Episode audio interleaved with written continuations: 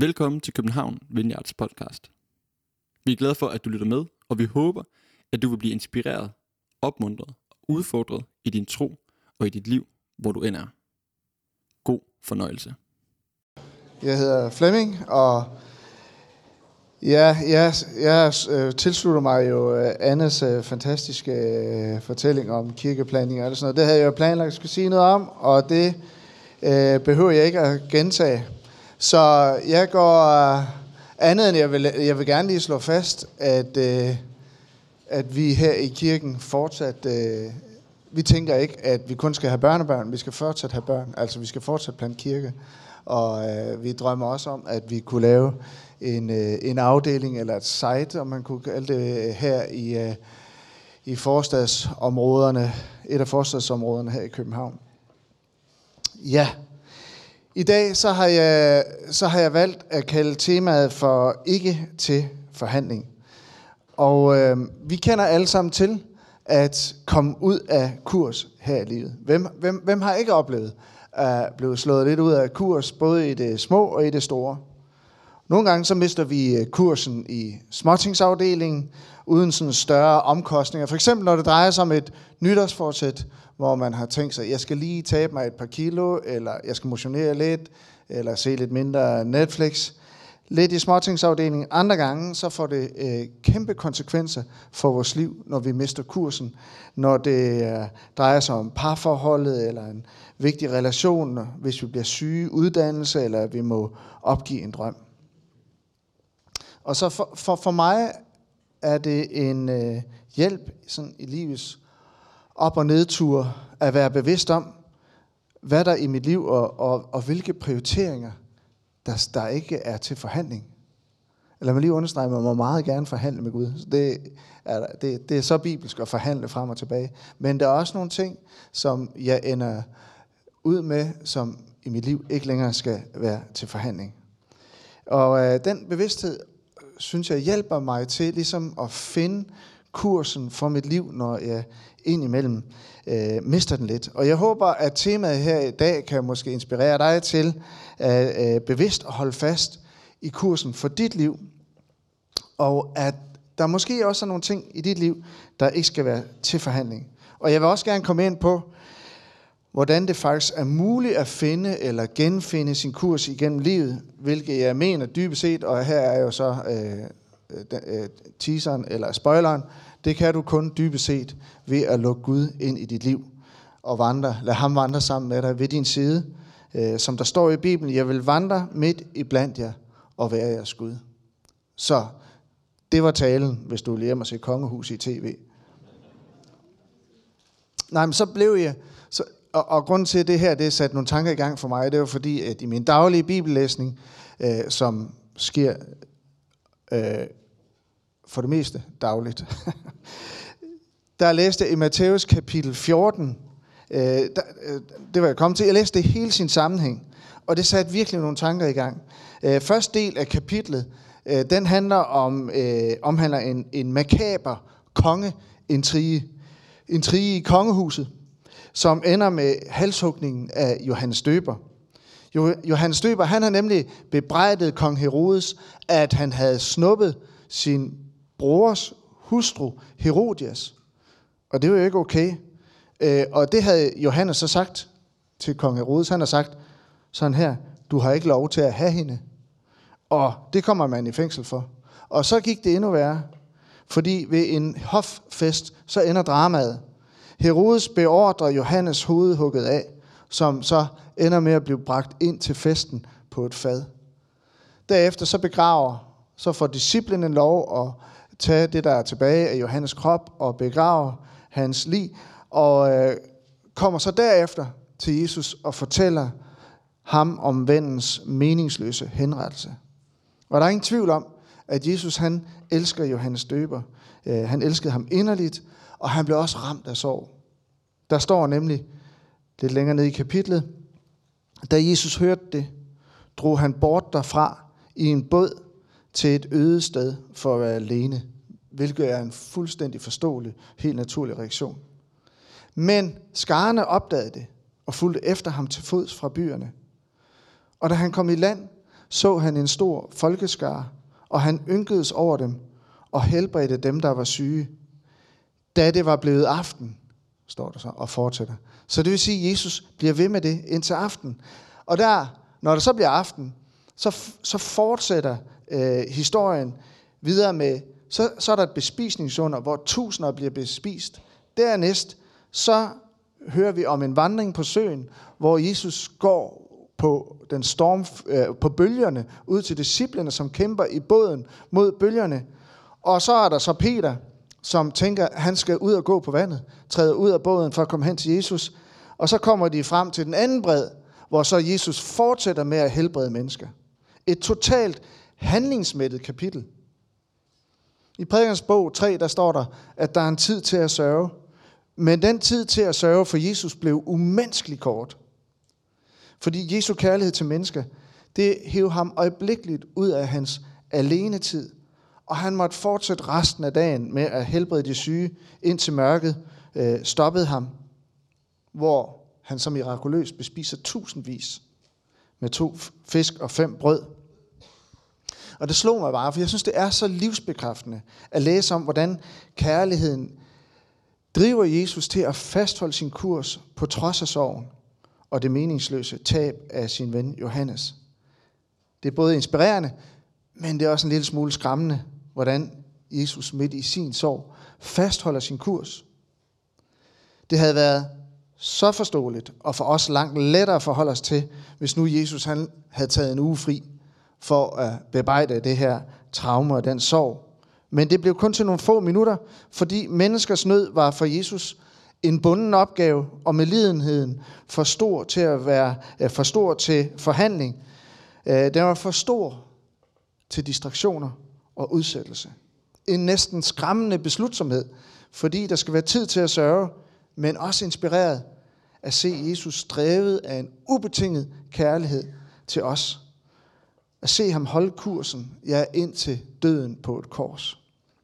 Og hvem anden end Jesus kan man ønske sig at have ved sin side, når vi kommer ud af kurs her i livet? Hvem anden end ham? Hvilken trøst andet end hans trænger vi til, når vores kompas er gået i tu? Hvilken anden end hans medvandring hjælper os gennem livets udfordringer, op- og nedture?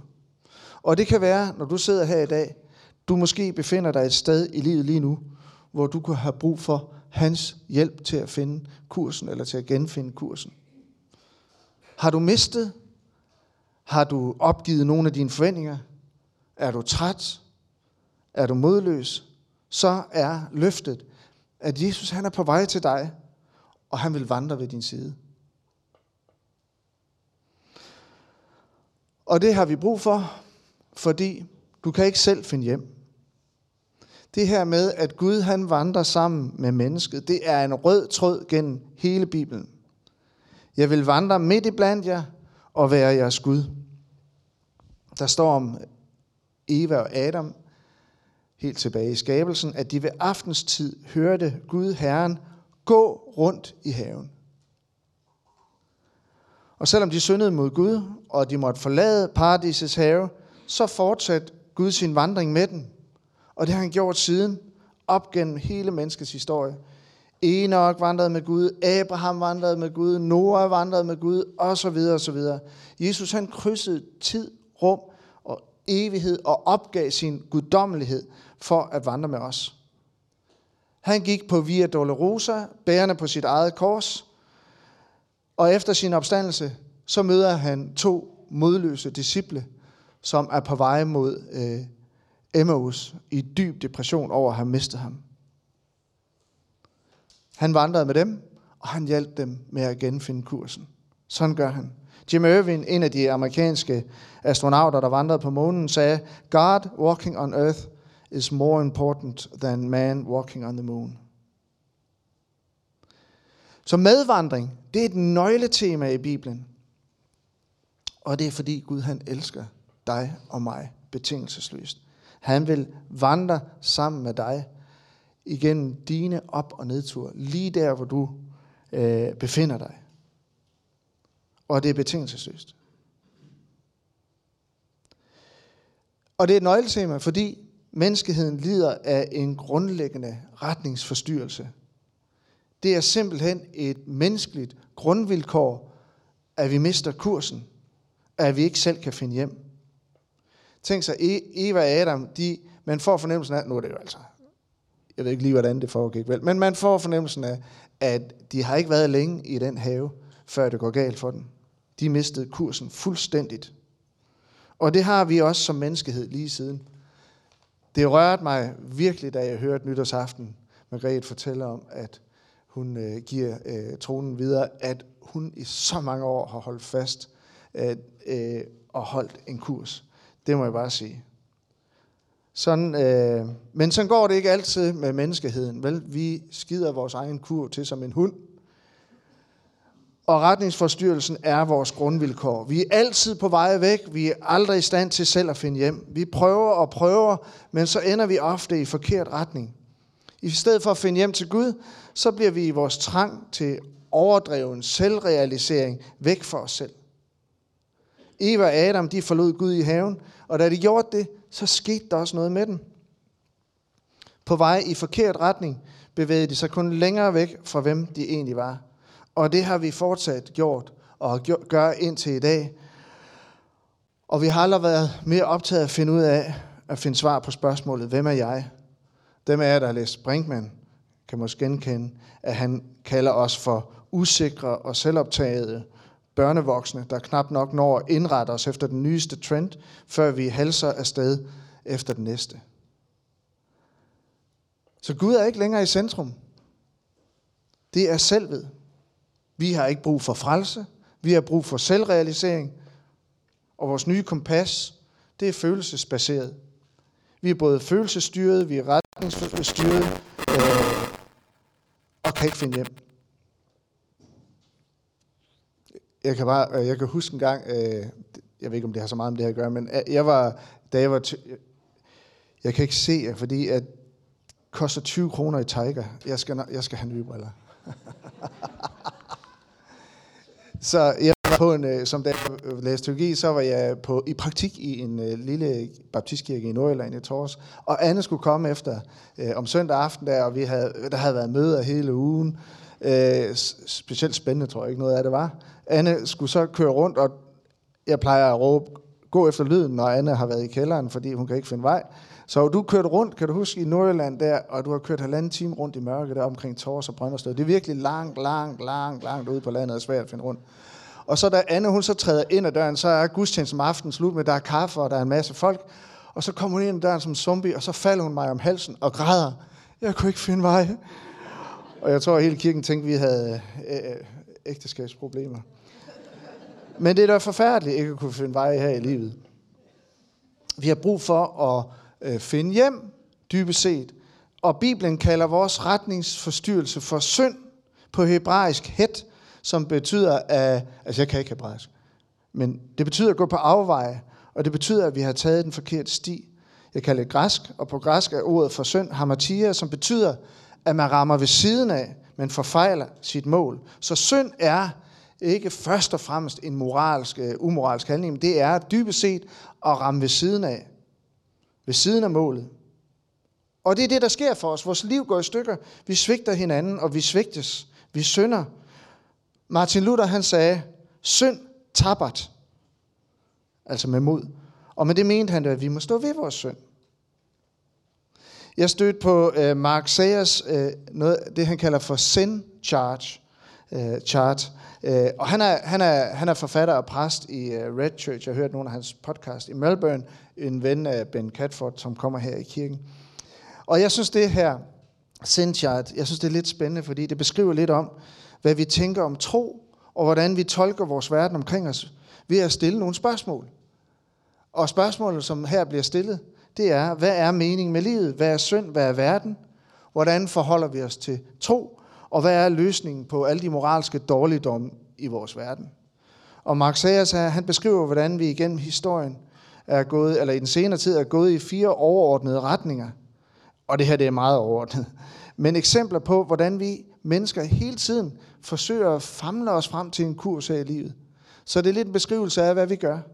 Og øh, det første Den, øh, den, den første, øh, det første emne på, øh, på det her sin charts, det er hedonisme, og det kommer af det græske hedone, som, øh, som betyder lyst. Og hedonisme, det handler om, øh, det handler om læren om, at nydelsen her i livet, det er det højeste gode. Og at meningen med livet, det handler simpelthen om at opnå nydelse. Og hvad er så hedonismens synd? Ja, det er naturligvis alt det, der forhindrer os i at nyde livet. Fordi verden er vores legeplads. Verden den er til for, at vi skal nyde den, og den er til for, at vi skal fylde hele vores liv med nydelse. Troen er der jo så ikke så meget plads til i det her system i hedonismen. Og det er fordi, at troen er besværet med, tænker man, for mig en moral, som strider, strider imod øh, livsnydelsen. Og hvad er løsningen på det moralske dårligdom i vores verden? Ja, slap af. Altså, chill out. Færre regler, mere nydelse. Og hvis ikke det sover nogen, så kan du bare gøre, hvad du har lyst til. Så bare sig ja til dine lyster. Bare kig indad og lyt til dine følelser. Og den her tankegang, den prægede jo nok øh, virkelig vores samfund i 60'erne og 70'erne, og måske den også præger os i dag. Og så senere, så stødte en øh, moralisme til i vores samfund, som bevæger sig i en noget anden retning. En øh, bevidsthed om ansvar for øh, vores verden.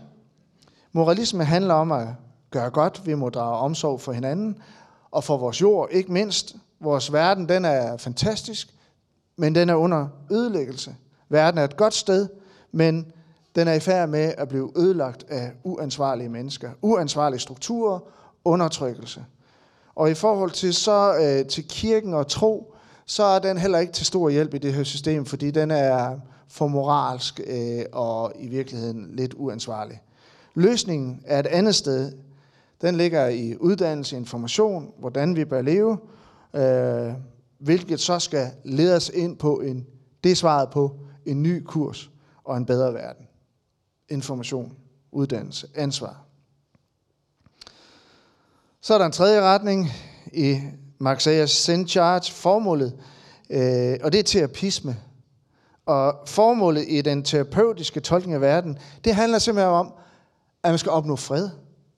Synd, det er alt det, der giver mentalt eller følelsesmæssigt ubehag eller smerte. Verden, det er et farligt sted. Den er fyldt med smerter, traumer, der venter på dig, og ubehag.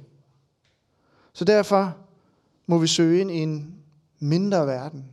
Vi må finde en verden for os selv, der er mindre, en mindre farlig verden, hvor vi ikke oplever al den her følelsesmæssige smerte. Og troen, den er acceptabel der, for så vidt det er et redskab til en følelsesmæssig fred. Så troen, det kan du godt være åben for, fordi det er et redskab, du kan udnytte. Men altså kun, hvis den bringer dig fred og harmoni. Og hvad er så løsningen i den her tankegang på al verdens problemer og dårligdom? Det er jo at på en eller anden måde, om man kan begrænse skaderne, og så finde nogle, skabe nogle små lommer, hvor man selv kan være tryg og uden for fare. Det kan godt være, det er sindssygt kedeligt, det her. Men nu er jeg så langt, så nu tager jeg den sidste med. Det var dumt at stoppe her. Og øh, det er nihilisme, og det kommer af latinsk, øh, det latinske nihil, og det betyder intet. Så nihilismen, det er en tilgang til livet, som dybest set fornægter øh, eksistensen af moral eller samfundsorden som sådan. Fordi meningen med livet, det er blevet til at føle ingenting. Fordi dybest set så er det det, der giver bedst mening, hvis der var en mening. Det er bare at stå af. Og hvad med livsnydelsen? Ja, den må opgives, for den er jo alligevel alt for svær at nå, og overgås altid af en eller anden smerte. Så der er ikke, noget der er ikke nogen stor pointe i at gøre godt i verden. Du kan alligevel ikke øh, gøre en forskel. Du kan ikke komme til at opleve fred. Og fordi det er så massivt, den smerte, så er det bedre bare at føle ingenting. Så hvad er verden for en størrelse? Ja, verden det er en, egentlig bare en katastrofe, som vi ikke kan gøre noget ved. Og derfor, øh, jeg ved ikke om det er nemmere, men derfor ender vi med at blive ligeglade. Og tro, en korrupt størrelse, ligesom alt andet. Og hvad er så løsningen på verdens dårligdom? Det er at flygte. Flygte ind i et øh, computerspil. Øh, soveværelset. Træk gardinerne for. Vær realist. Og få dig en gedin depression. Og jeg synes, de her beskrivelser, de er interessante, fordi på en eller anden måde, så beskriver det, hvordan vi søger, og alligevel ikke kan finde hjem. Vi mister kursen. Det beskriver de her mange forskellige retningsforstyrrelser, vi støder på i vores samfund. Jeg tror, vi møder nogle af dem her i dag. Øh, jeg kan i hvert fald øh, genkende et par af dem fra omklædningsrummet øh, på, hvad hedder det, Old, Old, Old, Old Boys holdet. Og den, den fremstiller, hvordan vi i vores vilfarelse alligevel forsøger at skabe en retning, men også uden at lykkes. Vi kan ikke finde hjælp. Det har vi brug for, at Gud han må hjælpe os med. Og en, øh, i en så omskiftelig verden, så tænker jeg bare, at det kan være til hjælp at blive bevidst om, hvad der ikke er til forhandling. I livets op- og nedtur, så bliver jeg nødt til at prøve at forsøge at fokusere på nogle holdpunkter, nogle personlige mål, nogle valg, nogle prioriteringer eller en adfærd, som ikke er til forhandling. Fordi at selvom det er et vilkår med sin retning indimellem, så er det virkelig trættende hele tiden at lade sig afspore. Det kan du lige indrømme med et genkendende nik. Ja, nej. Det er mere herover. Øh, fordi ofte så fortsætter vi bare, og så håber vi på det bedste. Så det er en kæmpe for mig, hjælp for mig at have nogle holdpunkter, som ikke skal diskuteres om og om igen. Og de ser sikkert helt vildt forskellige ud i vores liv. Og jeg vil lige indskyde endnu en gang, at det er helt ok og fuldstændig naturligt at forhandle med Gud. Altså jeg kan nævne, det er ikke tid til, men mange eksempler på, hvordan mennesker er forhandler med Jesus, forhandler med Gud, og øh, det kan Gud sagtens rumme. Jeg vil sige, gør det, forhandl med ham, så længe I kan skændes, altså det var det der med i ægteskabet, når man ikke længere skændes, så er den helt gal. Det har jeg sagt til Anne. øh, men samtidig så, så kan det være en, øh, en, en hjælp, at ikke alt er til forhandling. Så øh, mine øh, ting, de, øh, som ikke er til forhandling, de spænder vildt. De er nogle gange lidt svævende, og nogle gange lidt konkrete. Og det må jeg bare tænke mig at dele. Ikke fordi du skal gøre det samme, og heller ikke fordi jeg gerne lige vil snige et øh, budskab ind.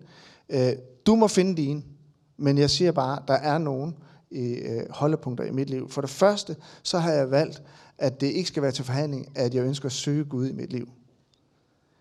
Jeg tror på, at øh, søg først Guds rige, og det andet skal gives i tilgift. Så det er noget, jeg ligesom står fast på i situationer op og ned, jeg bliver nødt til at søge Gud. Også selvom jeg møder sorg, og det bliver fuldstændig afsporet. For det andet, så øh, det at dele troen med andre mennesker. Altså om morgenen at stå op og tænke, hvilken gave jeg har at give videre, hvilken privilegium. Altså, hvordan kan man bedre bruge sin dag bedre end på at inkludere, inspirere, involvere mennesker, som man øh, forventer at møde. Det er da noget af det bedste. Og bære frugt. Bær, be, be Gud, jeg beder Gud om morgenen, må jeg bære frugt i dag. Må jeg bringe håb, liv videre. At dele troen med andre. Og så også noget, som ikke er til forhandling, det er at bruge, øh, generelt at bruge øh, tid med familien, med Anne og med børnene. Endnu en ting, som ikke er forhandling, det er at øh, engagere mig i kirke, og det er måske også meget smart, når jeg er ansat præst. Men det har jeg faktisk gjort hele mit liv. Det hjalp mine forældre mig til, og det var en kæmpe støtte, at de tog mig med i kirke, og øh, viste mig, hvad kirke det kunne betyde, og at det var et holdpunkt. En kæmpe hjælp. Altså jeg elskede kirkefamilien, forskellige som vi var, at komme. Der, var, der har bare lagt noget ned i mit, kan man sige, DNA helt fra starten af. Jeg tænkte virkelig på det som min familie. Elskede at komme, og det var sådan, Anne kom til tro, da vi mødtes på gymnasiet. Og jeg synes ikke, du var særlig troende. Øh, og der mødte du så kirkefamilien, ikke? og at den gjorde et kæmpe indtryk på dig med det fællesskab. Og øh, jeg har også været i kirke en enkelt gang siden, som jeg slet ikke brød mig om at komme i, men jeg kom alligevel, fordi der ikke lige var andre i nærheden. Øh, og den kirke hed, nej. Og en del af det engagement er også, at øh, søndagens gudstjeneste, den er ikke til forhandling. Og det var den sådan set heller ikke, så vidt jeg husker, før jeg blev præst. Det skal jeg ikke forhandle om, føler jeg nu lige, eller, eller sådan noget. Og det, det gør man bare. Og det gjorde jeg også dengang. Fordi her er der nogen, jeg kan være, øh, altså, jeg kan være noget for, tror jeg på, og her har jeg brug for at høre andre om deres tro. Jeg har brug for, det er som om, det er den rigtige afslutning og start på ugen. Det er et holdepunkt, det er noget, der samler det hele, og det bringer mig, synes jeg, ind i den virkelighed, jeg gerne vil være i. Endnu en ting, som ikke er til forhandling, det er også at øh, give af mine penge. Øh, det kan jeg huske. Jeg havde besluttet, vi havde besluttet, at vi skulle give af vores penge, og så havde vi ikke flere tilbage. Vi havde, det var midt på måneden, og øh, der sad vi så med de sidste penge i, i hånden. Der, det var kontanter dengang. Øh, og øh, så tænkte vi, hvad, hvad gør vi så nu? det var lidt af et dilemma. Og så puttede vi med hele, øh, alle pengene i en konvolut til den kirke, vi ikke var så begejstrede for. Det var svært. Og så øh, næste dag, så fik vi fuldstændig uventet af en gammel barnpige, jeg har haft øh, flere tusind i en konvolut ind ad døren. Og der tog vi bare en beslutning. Det her, det tror vi på. Det er ikke uden Guds ledelse, at vi oplever det her. Det gør vi resten af livet. Så tog jeg også en gang en beslutning om, at jeg skulle... Nu skal lige se, hvad tiden er. At lade mig lede af Helligånden. Men den har jeg bare ikke lige skrevet på min liste her, fordi det kan jeg ikke leve op til. Altså, jeg besluttede mig en gang, at jeg vil altid handle på enhver tilskyndelse, Helligånden gav mig. Og det kom så, det har jeg fortalt en gang tidligere, men det er så lang siden, at øh, da jeg var ung præst i øh, års, så, øh, så, var der, så, så skete der det, at en, øh, nu ved ikke, børn, nej, så skete der det, at en øh, ung mand øh, i sin frokostpause havde taget livet af sin kæreste, sin ekskæreste. 18 år gammel var det. Og øh, det, var, det, var en, det var kæmpe drama og en ulykke i byen, og der var lynch-stemning mod den her mand, som selvfølgelig var blevet øh, øh fængslet. Og jeg var ude og tale et eller andet sted langt sydpå, så hørte jeg en lovsang på vej hjem i bilen den aften, og pludselig mindede Gud mig om, det var, ja, det var lige meget, men den handlede om at være ude på oprørt hav, men der er altid en havn at komme hjem i. Og der oplevede jeg bare, at øh, Helligånden talte til mig om, at jeg skulle gå til den her mand i fængslet, og så sige til ham, at uanset hvad, så er der en, der elsker dig. Der er en, der ikke opgiver dig. Uanset om alle er imod dig. Der er en, der elsker dig. Og øh, så fik jeg ikke lige umiddelbart gjort noget ved det, og heller ikke dagen efter. Og så var der en af de unge fra kirken, som, øh, som kom hjem til os, og så sagde, har du hørt det, Flemming? Hørt hvad? At den unge mand, han tog sit eget liv i fængslet. Og jeg kan til den dag i dag ikke lade være med at tænke på, havde det været anderledes, hvis det faktisk var lykkedes mig at få en snak med ham? Og øh, jeg gik så hjem til familien, som vi vidste boede i byen, og fandt ud af, hvor deres adresse var, og bankede på, og så sagde jeg, det er rigtigt, jeg der har mistet en øh, ung mand, og de sagde, ja, men der er ikke mere at snakke om. Og så øh, ville de til at lukke døren i, og så sagde jeg, åh, åh, åh, jeg har noget at sige til jer. Og så havde jeg, så havde jeg optaget på kassettebånd den her lovsang, og givet mig, så forklaret dem, at øh, jeg øh, følte, jeg svigtede i det her. Jeg følte, jeg skulle have været ved jeres søn, og fortalt ham, at der var en, der holdt af ham. Og øh, kan jeg være til hjælp, så må jeg sige til. Og i dag, der ligger de begge to begravet på øh, kirkegården i Års. Der besluttede jeg, at hvis Helligånden tilskynder mig til noget, så er det alvorligt, og det må jeg handle på. Men det må jeg bare sige og erkende, at det har jeg fejlet tilstrækkeligt øh, mange gange i, til ikke at kunne sige, at det ikke er til forhandling. For i praksis, så forhandler jeg ofte med Guds ledelse på det område i mit liv.